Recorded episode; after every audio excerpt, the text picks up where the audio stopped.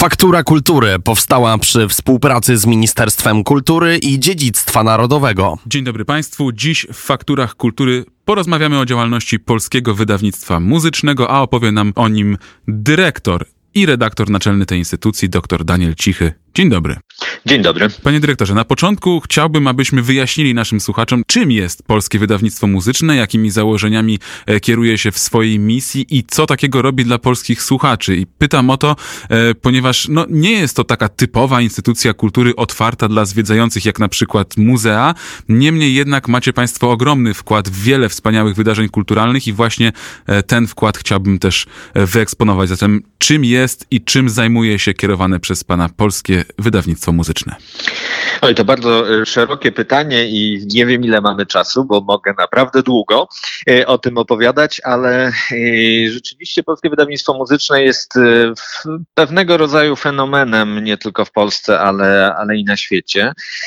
Oczywiście instytucja w ogóle wydawnictwa muzycznego ma swoją tradycję no, właściwie kilkusetletnią, 200-300 lat tyle, mm, tyle liczą najstarsze oficyny do dzisiaj funkcjonujące na świecie. Nasza mm, oficyna została założona tuż po wojnie w Krakowie w 1945 roku i właściwie miała mm, za cel objąć opieką wydawniczą, edytorską całe życie muzyczne Polaków.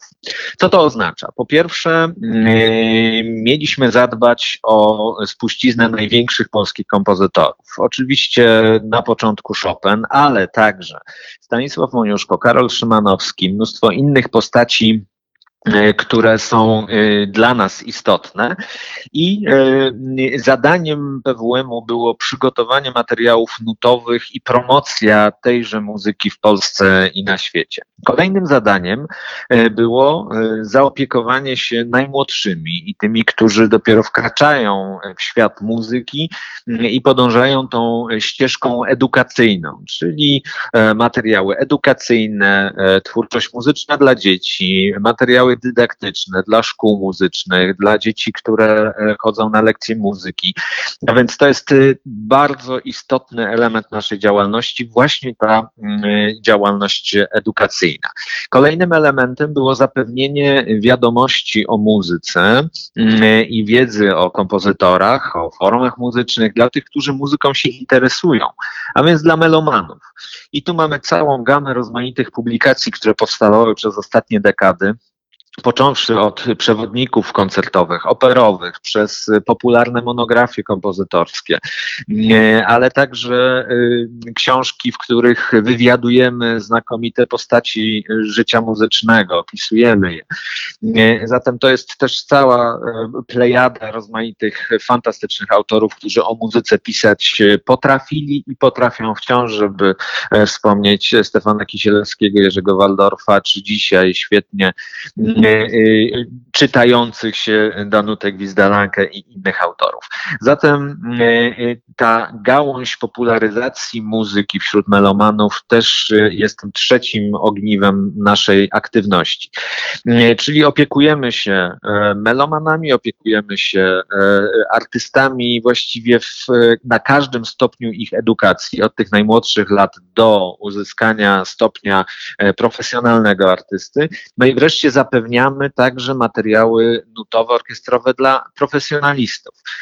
Każda instytucja w Polsce, każda instytucja muzyczna, czy to jest filharmonia, czy teatr operowy, no muszą muzykę wykonywać z nut. I my jesteśmy tą instytucją, która dostarcza tych materiałów, te, te materiały mm, nutowe, dostarcza partytury, głosy dla poszczególnych instrumentów i co ważne, nie tylko dysponujemy naszym katalogiem polskich kompozytorów, ale także reprezentujemy największych wydawców na świecie i jesteśmy tym przekaźnikiem światowego repertuaru dla, e, dla orkiestry i e, różnych formacji muzycznych, no i na odwrót naród. Oni nas reprezentują na świecie i tym samym też nasza polska muzyka jest promowana na, na wszystkich kontynentach. Zatem bez PWM-u całe życie muzyczne w Polsce nie mogłoby funkcjonować, bo nie byłoby materiałów nutowych, książek o muzyce, materiałów dla, dla melomanów, ale także, i to jest bardzo też ważna nasza aktywność, piszemy o muzyce w sposób publicystyczny, dokumentujemy aktualne życie muzyczne y, i to wykonujemy na łamach e, dwutygodnika muzycznego, ruch muzyczny, e, no, który jest najstarszym i właściwie jedynym pismem muzycznym w Polsce, taką przestrzenią dla poważnej krytyki muzycznej. E, I to pismo ukazuje się zarówno, zarówno w formie papierowej, jak i elektronicznej, jest dystrybuowane również w Polsce i za granicą jest chętnie czytane nie tylko przez środowisko muzyczne. Zatem ta, ta, ta misja także E, dokumentowania tego, co się dzieje w, w, muzyce dzisiaj, w życiu muzycznym, koncertowym, edukacyjnym jest także istotna. No i wreszcie e, nasza działalność to także pokazywanie muzyki w tym kształcie brzmieniowym, w tym jak ona może e, na nas oddziaływać. Mamy swoją markę fonograficzną, Anaklazis, które, w której przekazujemy i, i, i, i utrwalamy najciekawsze zjawiska e, polskiej muzyki współczesnej, ale także pokazujemy muzykę polską dawniejszych epok e, w krzywym zwierciadle, a to troszkę z takim twistem jazzowym, a to z, z elektroniką. No, dajemy artystom przestrzeń do, do, do, do kreacji w, w rozmaitych kierunkach.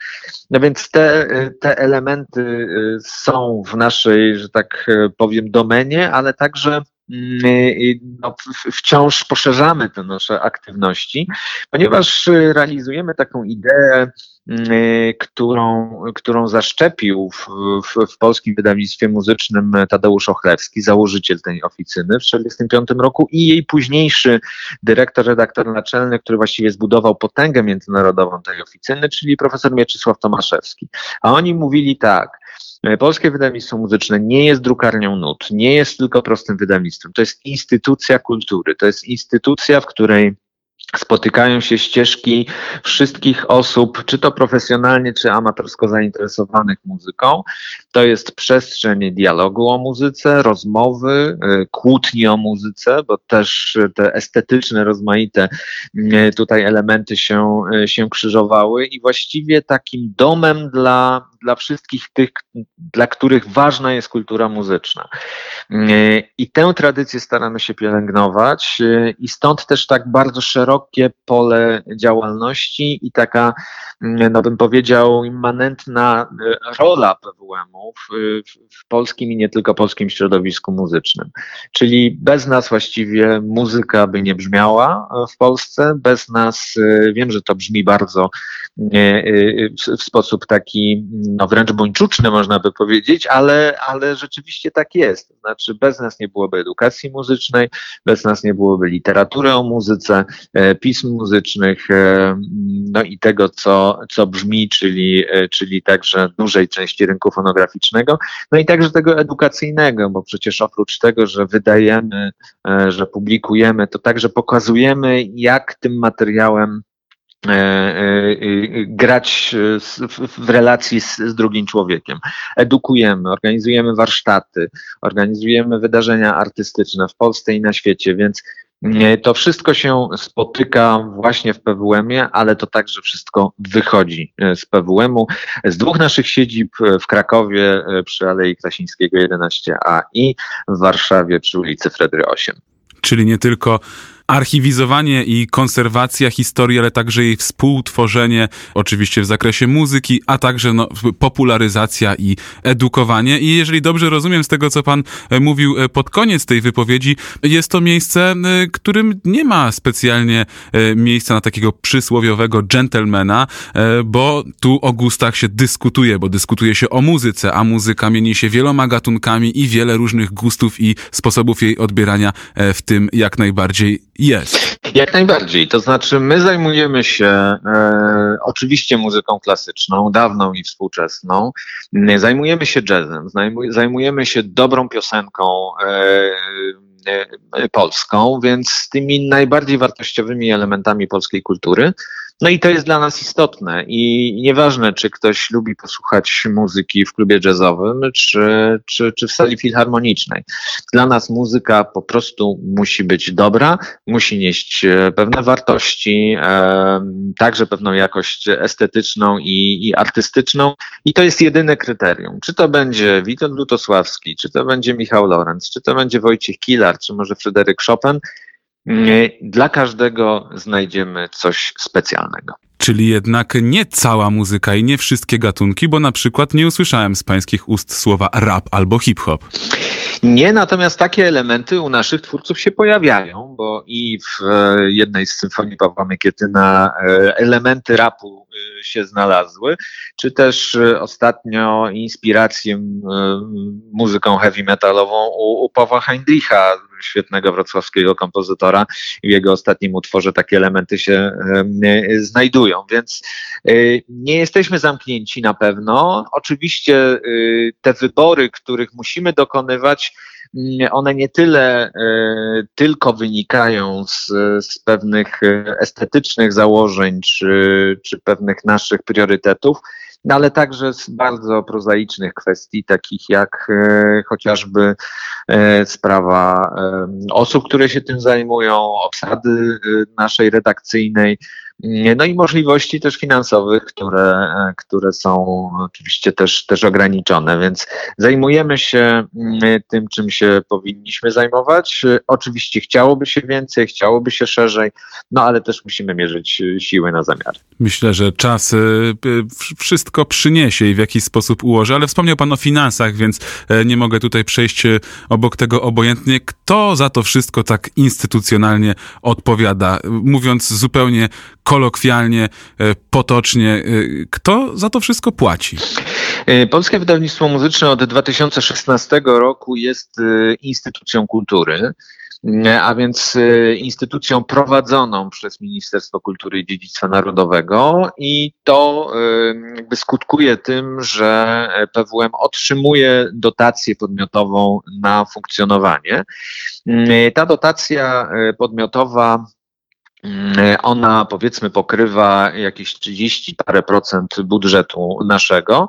Resztę wypracowujemy sami, ponieważ my wciąż jesteśmy wydawnictwem, które także sprzedaje nuty, wypożycza nuty odpłatnie dla orkiestr, obraca licencjami, więc jesteśmy w pewnym sensie taką hybrydą między instytucją kultury, która e, otrzymuje znaczące dofinansowanie i otoczone jest opieką mecenatu państwa, a y, firmą, która działa na rynku międzynarodowym. Więc to są te dwa elementy, które u nas się spotykają y, i pod tym względem też jesteśmy fenomenem, bo żadna z instytucji w Polsce tak, tak nie funkcjonuje jak my, zwłaszcza właśnie w tym takim międzynarodowym obiegu. Mamy sieć agentów, mamy sieć dystrybutorów, naszych przedstawicieli i tak dalej, i tak dalej. No i operujemy właściwie na, na wszystkich kontynentach i, i w, w niemal wszystkich krajach, więc to, to wymaga też od, od naszego zespołu bardzo wysokich kompetencji, żeby te elementy, że tak powiem, e, e, budżetowych układanek, czyli instytucji budżetowej, a e, normalnej firmy biznesowej, czy, czy działającej w obszarze biznesowym łączyć i, i dlatego mamy tak świetny zespół, i, ale też właśnie o bardzo szerokich, szerokich kompetencjach. Oczywiście my także pozyskujemy z Ministerstwa Kultury i Dziedzictwa Narodowego środki na pewne specjalne projekty, czy to edukacyjne, czy artystyczne, czy, czy wydawnicze i to jest ogromna pomoc dla nas, ponieważ bez tych środków na pewno nie moglibyśmy pełnić e, misji w takim zakresie, w jakim, w jakim ją e, teraz pełnimy. Więc e, to finansowanie państwa jest niezwykle istotne jest, bym powiedział, kluczowe, ponieważ to, czym się zajmujemy, nie zawsze jest w takim odczuciu powszechnym y, komercyjny. Zatem, y, zatem to wsparcie ministerstwa no i środków publicznych jest, y, jest kluczowe. No nie mówiąc też o pewnych projektach takich długofalowych czy digitalizacyjnych, które prowadzimy, które z kolei są mocno wspierane przez środki europejskie. Mm, ponieważ my od kilku lat prowadzimy regularną digitalizację naszych bogatych i unikatowych zasobów nutowych i to jest element, który jest niezwykle, niezwykle dla nas ważny i bez tego finansowania i ministerstwa i także funduszy europejskich to nie, europejskich to nie byłoby możliwe. No nie mówiąc także o pewnych inwestycjach budowlanych, które e, także prowadzimy obecnie mm, i to też nie byłoby możliwe bez wsparcia mecenatu państwa. Jakie to inwestycje budowlane? Tak jak wspomniałem, e, posiadamy dwie siedziby i obie wymagają e, no, dość pilnego remontu e, i z, z, wielką przyjemnością mogę też, też Panu i Państwu powiedzieć, że jesteśmy na, na końcowym etapie właściwie wyłaniania wykonawcy remontu generalnego naszej warszawskiej siedziby. Mm, przy ulicy Fredry 8. No jest to świetny adres e, w Warszawie i piękny budynek z końca XIX wieku, który nie został w sposób znaczący naruszony ani przez pierwszą, ani przez drugą wojnę światową. E, czyli jest to taka perełka zabytkowa, wybudowana jako pomieszczenie, jako przestrzeń dla banku. Zatem, kiedy Państwo weszliby do naszej siedziby, to, to, to ukaże się taka piękna sala bankowa z pięknymi zdobieniami, e, hol kasowy, który e, no, w wielu filmach nawet już odgrywał swoje ważne, ważne role. Nie mówiąc o tym, że prawdopodobnie słynny Szpicbrudka się e, właśnie włamywał do naszego sejfu. E, no ale to już tak trochę anegdotycznie, chociaż są pewne dokumenty, które o tym, o tym świadczą, że, że takie włamanie e, kiedyś miało, miało miejsce. Natomiast my właśnie w tej przestrzeni będziemy, będziemy przygotowywać coś w rodzaju showroomu tych wszystkich aktywności, o których wcześniej opowiadałem. Znaczy będziemy tam od rana do nocy pokazywać, jak nasza działalność działalność funkcjonuje w rzeczywistości, jak można z tych publikacji korzystać w praktyce. Będzie można chodzić na koncerty, na warsztaty, na spotkania mm, z autorami, będzie można pójść do księgarni świetnie wyposażonej muzycznej, których coraz mniej jest, jest w Polsce. No właściwie prawie ich w ogóle nie ma. Y, będzie można pójść do klubu jazzowego w, w podziemiach, więc te wszystkie elementy tam się znajdą. Również będzie tam mediateka, gdzie z naszych zasobów będzie można korzystać korzystać i tych krakowskich, i tych warszawskich w pięknej e, przestrzeni sprzyjającej też takiemu namysłowi i refleksji o, o muzyce. No i ta inwestycja e, jest uruchomiona i, i mamy nadzieję, że, że gdzieś do dwóch, trzech lat będziemy mogli Państwa zaprosić już do, do naszej odnowionej siedziby w Warszawie. I wtedy e, słuchacze, zwykli obywatele albo i niezwykli będą mogli e, odwiedzić e, Państwa i na własne oczy, na własne uszy tak naprawdę e, usłyszeć i zobaczyć e, cały ogrom pracy, które polskie wydawnictwo muzyczne e, wkłada w muzykę polską w ogóle. Wspomina Pan sporo o współpracy współpracy międzynarodowej. E, czy w ramach tej współpracy i popularyzacji muzyki polskiej, która, jak też rozumiem z pańskich słów, jest branym towarem eksportowym tak naprawdę na, e, za granicą, e, jak wygląda współpraca z Instytutem Adama Mickiewicza, który w swojej misji zakłada właśnie popularyzację polskiej kultury, polskiej sztuki za granicą? No, trzeba od razu rzeczywiście powiedzieć, że polska muzyka, głównie ta współczesna, 20-21 wieczna, ma niezwykle silną markę e, na świecie. Nazwiska takie jak Górecki, Lutosławski, Panównik, e, Penderecki, Kilar, no to są marki, które, mm, z których Polska jest znana. Mm, I ostatnio, e, dzięki też naszej bardzo wytrwałej i konsekwentnej pracy do tego panteonu najważniejszych kompozytorów polskich dołączyła Grażyna Bacewicz jako jedna z najchętniej grywanych przez zagraniczne zespoły kompozytorek. I, i, i, I rzeczywiście my ten potencjał bardzo mocno wykorzystujemy. Mamy kontakty zarówno z naszymi agentami, dystrybutorami, jak i bezpośrednio z, z instytucjami muzycznymi, z filharmoniami, z najlepszymi orkiestrami na świecie.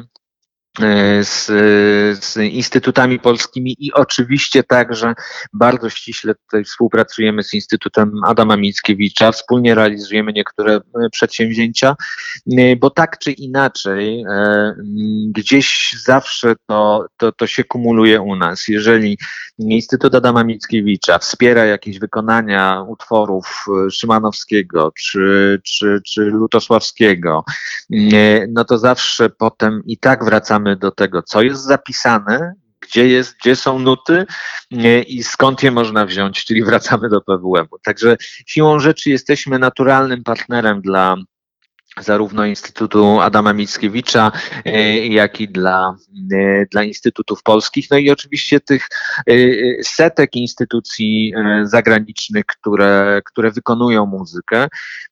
Ostatnio jednym z takich naszych no, pionierskich działań i myślę, że unikatowych na skalę światową było przedsięwzięcie, które prowadziliśmy w Japonii. Konkurs pianistyczny dla dzieci i młodzieży. Z naszymi partnerami japońskimi My akurat w Japonii operujemy od ponad 40 lat, ale ostatnio ta, ta współpraca jest coraz bardziej intensywna.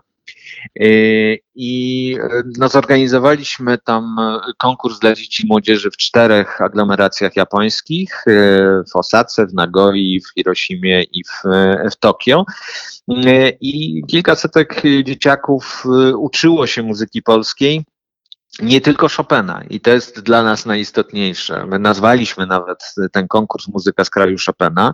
To jest kolejny krok naszej takiej działalności edukacyjnej w Japonii, gdzie kierujemy nasz komunikat i nasze działania do tych najmłodszych ich nauczycieli.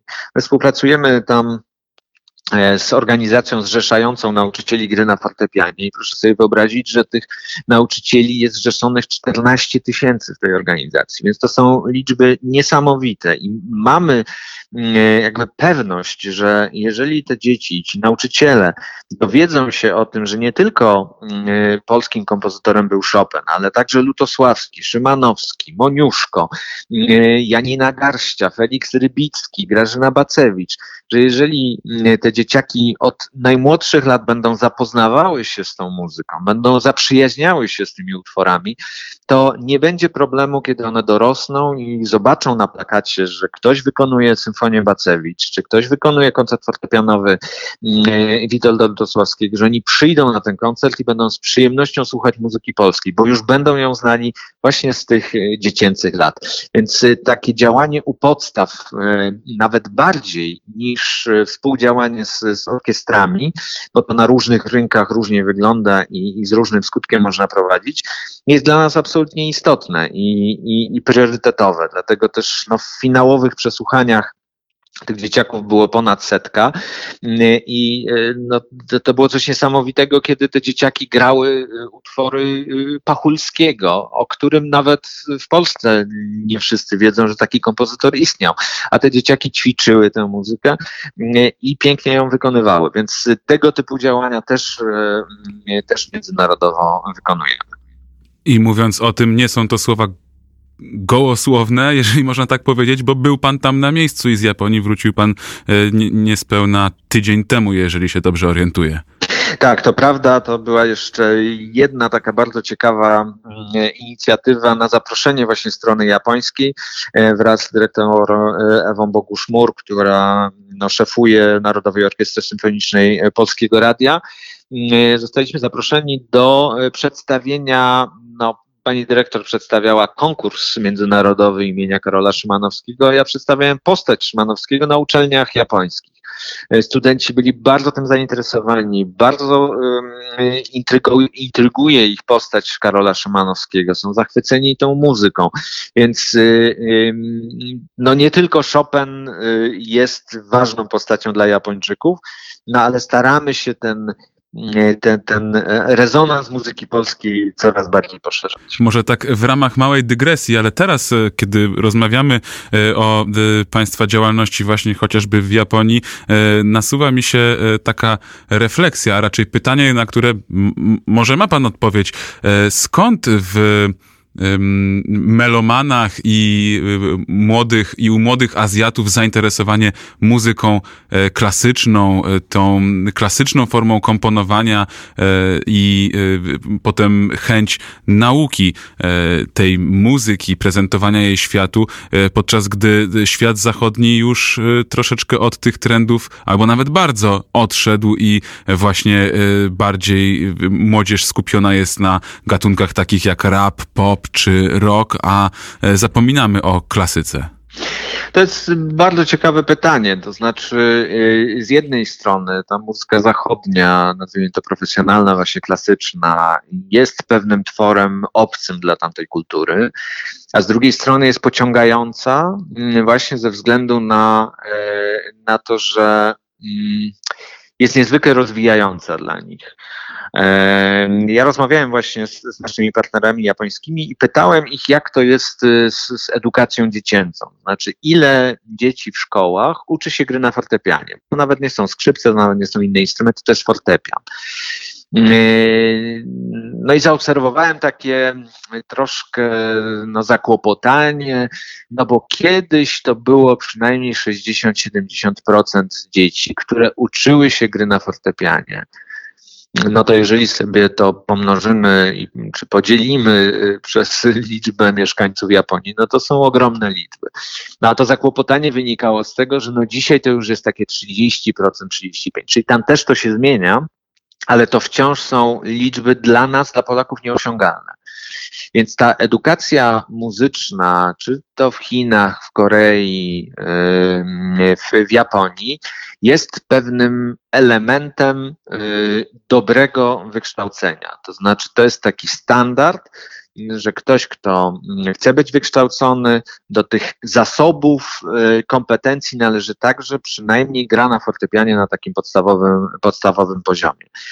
Więc y, poza tym bardzo lubią to uczestnictwo w, w muzyce, w muzyce na przykład symfonicznej, chodzą na koncerty. No, sieć y, y, w Japonii sal koncertowych o, o fenomenalnej akustyce jest, jest niebywała i trzeba wciąż pamiętać o tym, że to są y, jednak głównie podmioty prywatne. To nie, tam finansowanie kultury nie, nie, nie, nie wygląda tak jak w Polsce. My mamy bardzo komfortową sytuację. W ogóle Europa Środkowa czy Zachodnia, no to w skali świata nasza, nasz mecenat E, no, jest pewnym luksusem e, I, i być może dlatego nie zawsze go tak e, doceniamy. Natomiast tam jednak trzeba się wysilić, żeby tej kultury o, o, o, dużych walorach artystycznych doświadczyć. Trzeba za to zapłacić, trzeba też no, udowodnić jakby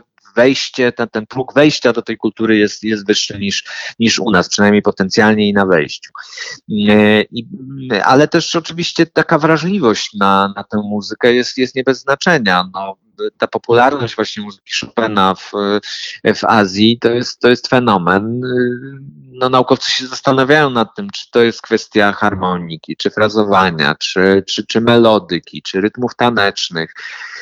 No bo jednak jeżeli posłuchamy tradycyjnej muzyki japońskiej, e, czy tradycyjnej muzyki chińskiej z różnych okresów, no to to jest ogień i, i, i woda. To są naprawdę tak, tak różne estetyki i światy brzmieniowe, no, że ciężko y, czasem to, to jakoś połączyć. A mimo wszystko to działa, co oznacza też, że, że ta kultura ma bardzo wysoki poziom wartości uniwersalnych. I z tych kultur możemy właśnie czerpać tę wartość, jaką, jaką niesie we wczesnym wieku edukacja pod kątem właśnie muzyki klasycznej, tak żebyśmy gdzieś wszyscy to nasze dziedzictwo, dziedzictwo kultury europejskiej, jakby nie patrzeć, mieli w sobie e, zaszczepione. I tak właśnie wracamy teraz do polskiego wydawnictwa muzycznego, e, bo mówiliśmy mm, o jego działalności, mówiliśmy o e, teraźniejszości, troszkę o przyszłości, a teraz chciałbym wrócić do roku 2016, kiedy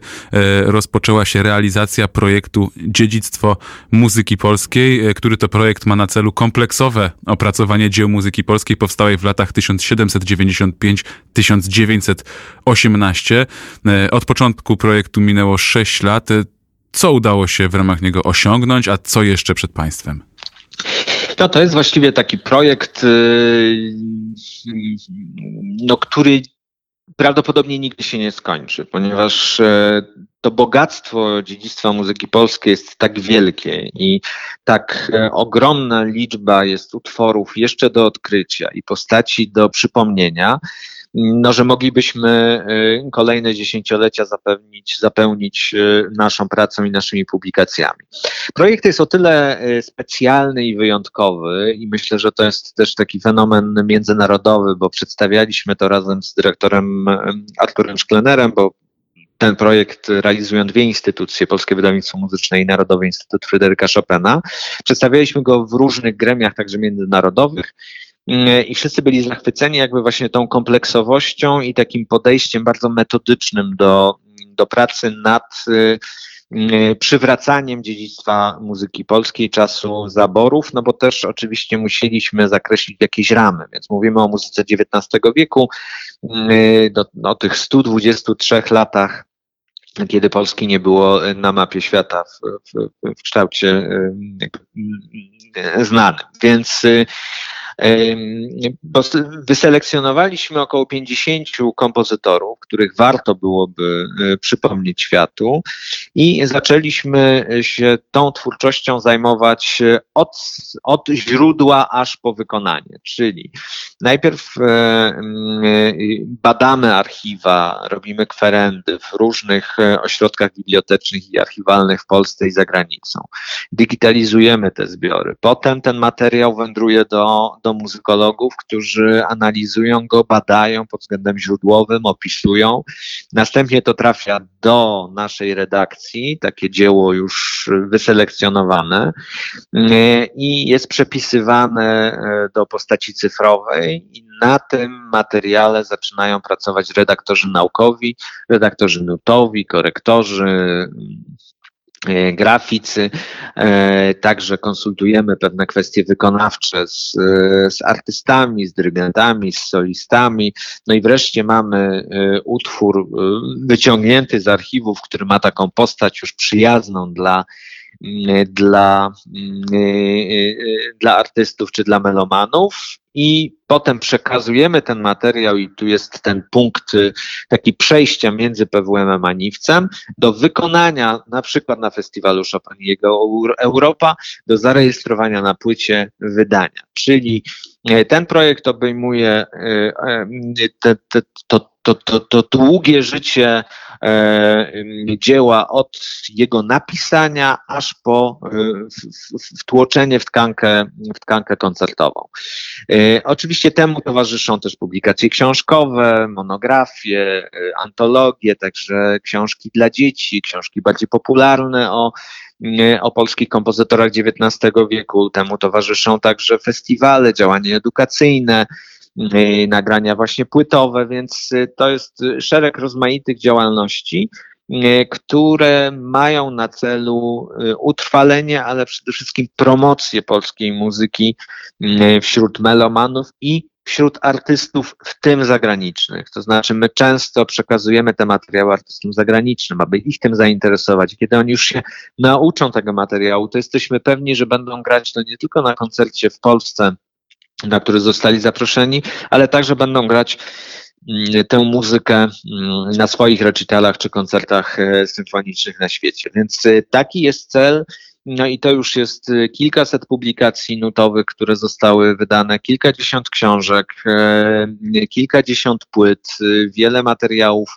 e, orkiestrowych, które też e, są do dyspozycji orkiestr na całym świecie, bo my oczywiście to od razu włączamy w nasz katalog i dzięki sieci naszych agentów on jest dostępny na całym świecie. I dlatego na przykład Stanisław Moniuszko jest coraz częściej grany na, na estradach światowych dlatego Henryk Wieniawski zajmuje coraz wyższą pozycję, dlatego Karol Szymanowski e, jest tak chętnie grywany na całym świecie, no właśnie dzięki, dzięki temu projektowi. Teraz znowuż e, pomijając może chociaż nie, też przez teraźniejszość się przelatując, e, ale pomkniemy trochę do przyszłości, żeby dowiedzieć się, jakie plany i jakie wyzwania stoją przed państwem w najbliższej przyszłości. Ja patrzę na stronę pwm.com.pl to jest miejsce, w którym i twórcy, i melomani, e, i wszyscy zainteresowani mogą e, odkryć e, informacje i szczegóły o tym, o czym mówi nam w dzisiejszej rozmowie Faktury Kultury dyrektor tej instytucji Daniel Cichy. Mm, natomiast patrząc właśnie na tę stronę, kilka takich ciekawostek, bowiem macie Państwo ranking, plebiscyt na kompozytorów miesiąca. Mamy grudzień i kompozytorem tego miesiąca został Aleksander Pogorilec. Kim był i dlaczego takie szczytne miejsce zajął? Tak, my każdego roku wybieramy 12 kompozytorów e, lub 12 różnych zjawisk muzycznych, które staramy się e, też e, przedstawiać w taki ciekawy sposób, aby, aby melomani mogli poznać tych kompozytorów.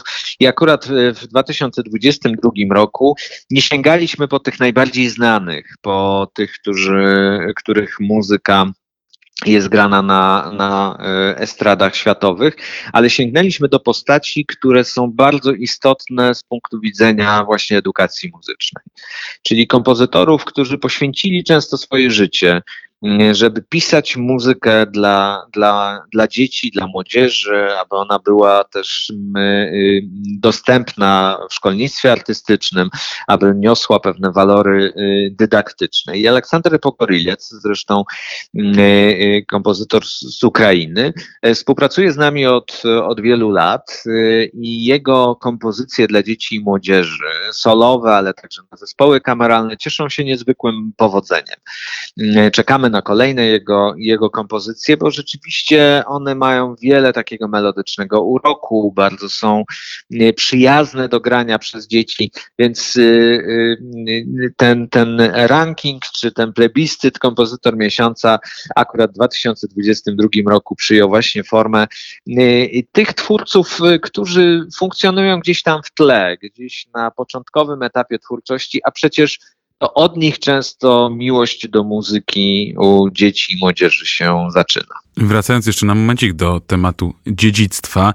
E, dziedzictwo e, pielęgnujecie, ale też e, właściwie pozwalacie tworzyć nowe rzeczy, które do tego dziedzictwa będą w pewnym momencie należeć po jakimś czasie. Tutaj swoje myśli kieruję w stronę projektu Tutti.pl, który e, pozwala zaistnieć e, nowym bądź starym, ale mniej znanym, albo po prostu chętnym zespołom czy orkiestrom polskim e, na scenie współfinansując i wspierając ich, e, ich działanie właśnie przy okazji wykonywania e, muzyki polskiej. Tak, to jest przedsięwzięcie, które zainicjowaliśmy kilka lat temu. E, wiemy, z jakimi często finansowymi problemami borykają się zespoły artystyczne, a każde wykonanie utworu, zwłaszcza będącego jeszcze pod ochroną prawno-autorską, no, wymaga pewnego finansowego wysiłku. E, i postanowiliśmy ułatwić wybory artystyczne tym zespołom, które chcą przypominać postaci mniej znane, chcą grać muzykę i utwory y, mniej chętnie wykonywane, e, a nasz e, katalog jest naprawdę bardzo bogaty i chcemy go e, ożywiać, aby, aby rzeczywiście ta, ta muzyka była grana. Stąd też e, raz na kwartał spotyka się taka specjalna komisja, złożona z przedstawicieli e, filharmonii, zespołów Polskiego Radia, ale także środowiska muzykologów czy kompozytorów. I mm, oceniamy pewne propozycje artystyczne, które składają do nas instytucje z, z całej Polski. No i wspieramy wybrane finansowo, aby ta muzyka mogła, mogła zabrzmieć a jednocześnie była ona wykonywana ze źródeł legalnych, tak aby wszystko odbywało się w, w literze prawa y, i z poszanowaniem także prawa do własności intelektualnej, a jednocześnie jest to dla nas niezwykle ważne narzędzie do, do promowania kompozytorów polskich i do pokazywania muzyki, która w naszych, e, w naszych archiwach jest przechowywana, a nie jest tak często grana. Polskie wydawnictwo muzyczne, wydawnictwo wyjątkowe o bardzo e, szerokiej palecie działań, e, które zakrawają o historię, wybiegają w przyszłość, skupiają się na teraźniejszości, na edukacji, na młodzieży, jak i na twórcach, którzy już na scenie są e, od lat. Tym y, samym dochodzimy do tej myśli o przyszłości. Jakie y, wydarzenia, w których Państwo uczestniczą, którym Państwo patronują, y, czekają nas w tej najbliższej przyszłości, takie, w których nasi słuchacze mogliby uczestniczyć? Na pewno będziemy zapraszać na kolejne premiery utworów współczesnych. Jest to bardzo ważna działalność, ważna jest to bardzo ważna gałąź naszej działalności, ponieważ Wydawnictwo muzyczne, y, naszym zdaniem, y, ma sens wtedy, kiedy jest zasilane nowymi utworami. Jest, y, daje przestrzeń do, do twórczych myśli najlepszych polskich kompozytorów. I dlatego w odróżnieniu może od wielu zagranicznych oficyn, które właściwie ograniczają y, swoje, swoje aktywności i kierują swoją uwagę tylko na te najbardziej popularne i przynoszące y, przychody Y, elementy działalności. My jednak cały czas chcemy promować i wspierać twórczość najnowszą. Stąd też prawa wykonania kolejne naszych znakomitych kompozytorów, Elżbiety Sikory, Hanny Kulenty, Agaty Zubel, Zygmunta Krauzego, czyli na tych najbardziej topowych polskich kompozytorów, najgorętsze polskie nazwiska także na świecie publikują u nas i my otaczamy opieką redakcyjną i edycyjną i promocyjną e, te postaci.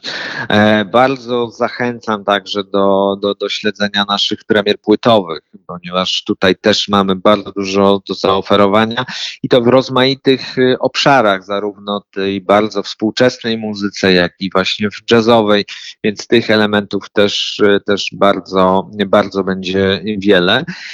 No i oczywiście książki, które też przed nami wkrótce w pierwszej połowie połowie roku będzie miała swoją premierę monografia nowa, mała, kieszonkowa monografia Fryderyka Chopina, no ale także innych e, kompozytorów, e, Marii Szymanowskiej, na przykład wielkiej postaci kompozytorki XVIII-XIX e, wieku, która no, wyznaczała pewne szlaki dla, dla kobiet kompozytorek, co też jest e, bardzo, myślę, myślę ciekawe. Oczywiście szereg wydawnictw nutowych, tych dla, dla dzieci, ale także dla profesjonalnych twórców. E, to jest tak, że my właściwie w ciągu roku wydajemy e, około ponad 400 publikacji więc tego jest bardzo dużo i każdy znajdzie coś dla siebie. I no możecie Państwo to wizualizować też, że, że codziennie, a nawet trochę częściej jedna publikacja z PWM-u e, wychodzi, no więc tego jest sporo. Ja zachęcam bardzo także do, e, do prenumeraty ruchu muzycznego, bo to jest takie miejsce, e, gdzie piszą znakomici, młodzi, starsi krytycy muzyczni, piszą nie tylko relacje z koncertów, ale jest też świetna eseistyka, jest tam znakomita część poświęcona nowym wydawnictwom płytowym, książkowym, nutowym, świetne wywiady z najwybitniejszymi artystami, więc e, co dwa tygodnie ruch muzyczny jest absolutnie do, do wzięcia i do srupania w całości, bo to jest e, naprawdę bardzo piękne też pismo, takie edycyjne, więc, e, więc do tego też, też bardzo Państwa zachęcam. No a naszym takim jednym z najważniejszych wyzwań, no powiem takich historycznych jest, y, jest to mm, y, ta, ta, ta nasza inwestycja w Warszawie. To będzie coś, coś specjalnego. No ale także bardzo zachęcam do śledzenia naszej, naszego portalu digitalizacyjnego Polska Biblioteka Muzyczna.pl, gdzie tam znajdą Państwo w e, takiej cyfrowej postaci część naszych zasobów, a szykujemy na połowę roku coś naprawdę specjalnego. Będzie zupełnie ten portal inaczej wyglądał, e, będzie miał o wiele więcej treści. I co ważne, e, podejrzewam, że Państwo są zaznajomieni z encyklopedią muzyczną PWM-u, taką kilkunastotomową encyklopedią biograficzną, Część z tych zasobów już w czerwcu będzie dostępna w formie cyfrowej, będą to hasła zaktualizowane,